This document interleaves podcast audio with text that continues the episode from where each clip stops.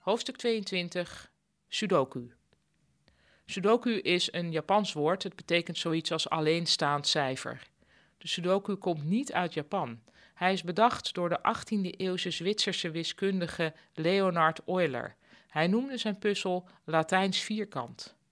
Japan heeft de Sudoku wel groot gemaakt.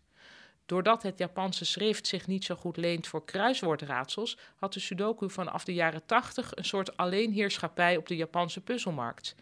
Uiteindelijk kwam die cijferpuzzel onder de naam Sudoku dus weer terug in Europa en werd ook hier een succes.